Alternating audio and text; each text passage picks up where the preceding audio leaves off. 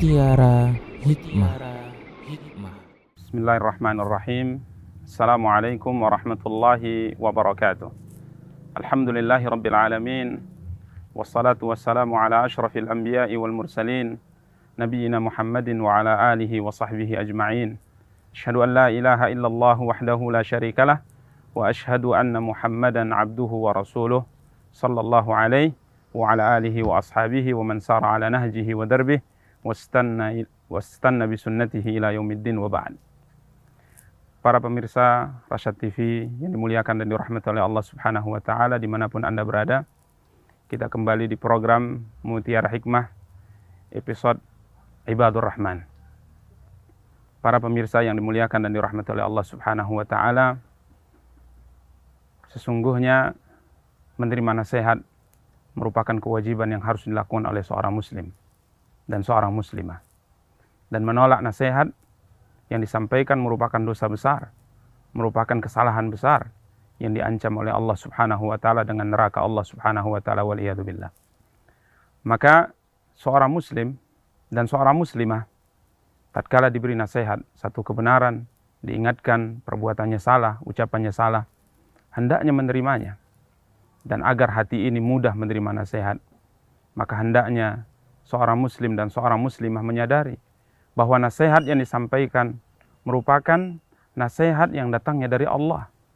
Ia harus menyadari bahwa kesalahan yang diingatkan, yang dilakukan yang bertentangan dengan apa yang diinginkan oleh Allah dan Rasulnya, maka tatkala ada seorang menasehatinya, mengingatkannya, tidaklah, tidaklah saudara kita mengingatkan kita kecuali kepada kebenaran yang disampaikan oleh Allah Subhanahu wa taala.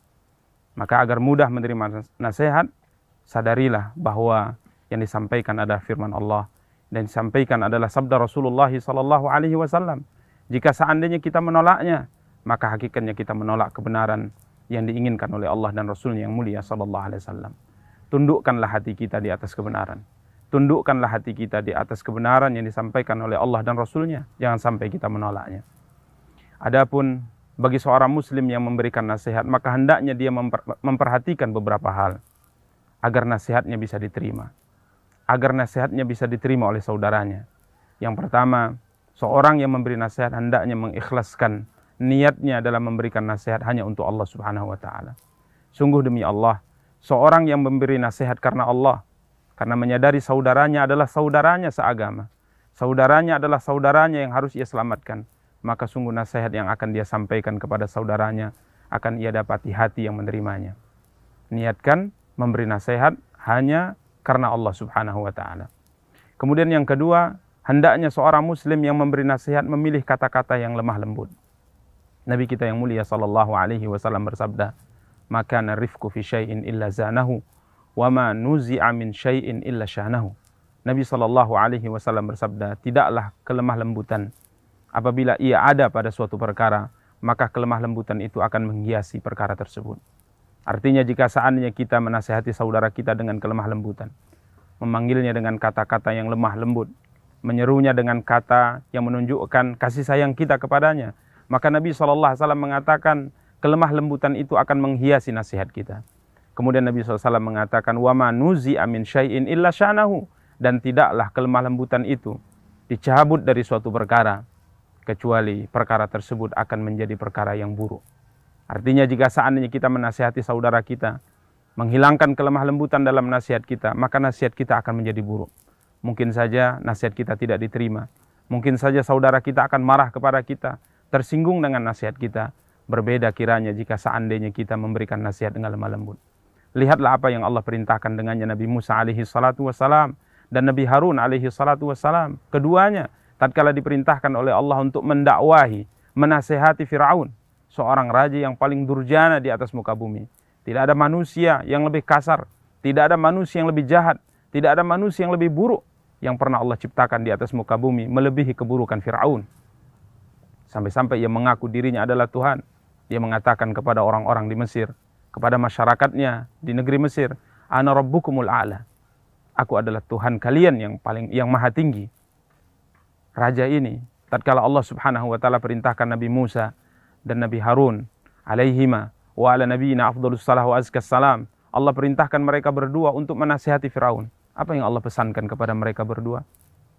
Allah Subhanahu wa taala berfirman, "Faqula lahu qawlan layyinan la'allahu yatadzakkaru aw yakhsha." Allah katakan kepada Nabi Musa dan Nabi Harun alaihi wassalam, berkatalah kepada Firaun, sampaikanlah dakwah kepada Firaun, nasihatilah Firaun dengan qawlan layyinan, dengan perkataan yang lemah lembut. Dengan perkataan yang lemah lembut. Coba lihatlah. Nasihat yang Allah perintahkan untuk disampaikan kepada Fir'aun, diperintahkan untuk disampaikan dengan lemah lembut. La'allahu yatadzakkaru aw yakhsha. Karenanya para pemirsa yang dimuliakan dan dirahmati oleh Allah, pilihlah kata-kata yang lemah lembut. Pilih, pilihlah kata-kata yang baik. Apalagi jika seandainya orang yang kita nasihati adalah orang-orang yang berbeda dari sisi tingkatan kedudukannya. Tentunya berbeda tatkala kita memilih kata-kata lemah lembut di saat kita memberi nasihat kepada orang tua kita dengan sahabat kita di saat kita memilih kata-kata untuk memberi nasihat kepada istri kita dengan orang lain. Ya, maka kita harus melihat siapa orang yang kita beri nasihat. Ini yang kedua. Kemudian yang ketiga yang harus diperhatikan oleh seorang muslim yang hendak memberi nasihat kepada saudaranya agar nasihat tadi bisa diterima oleh saudaranya hendaknya nasihat itu dilakukan secara rahasia.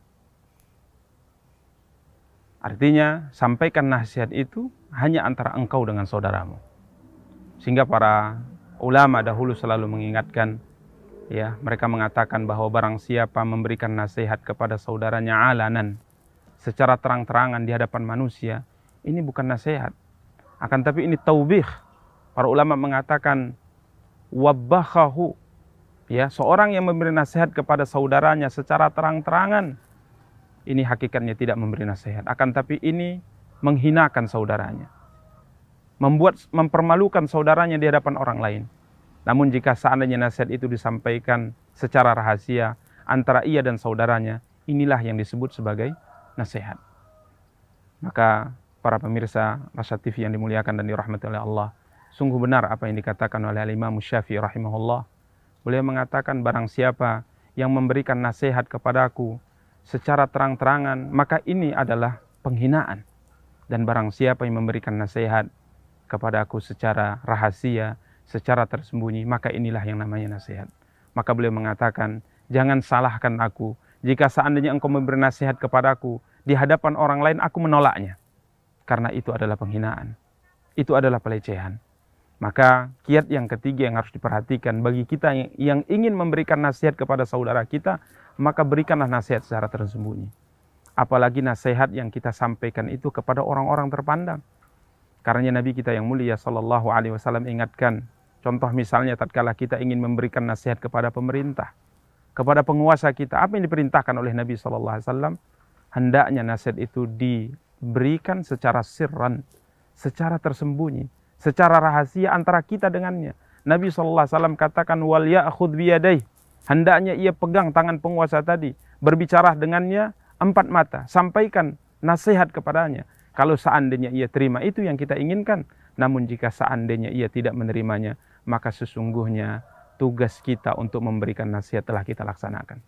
Maka ini kiat yang ketiga yang harus kita perhatikan, tatkala kita memberikan nasihat kepada saudara kita, sampaikanlah nasihat itu secara rahasia antara kita dengannya. Semoga nasihat kita bisa diterima olehnya. Wassallallahu ala nabiyina Muhammadin wa ala alihi wa sahbihi wa tabi'in. Subhanakallahumma bihamdika. Ashadu an la ilaha ila anta. Astaghfiruka wa atubu ilaika. Wassalamualaikum warahmatullahi wabarakatuh.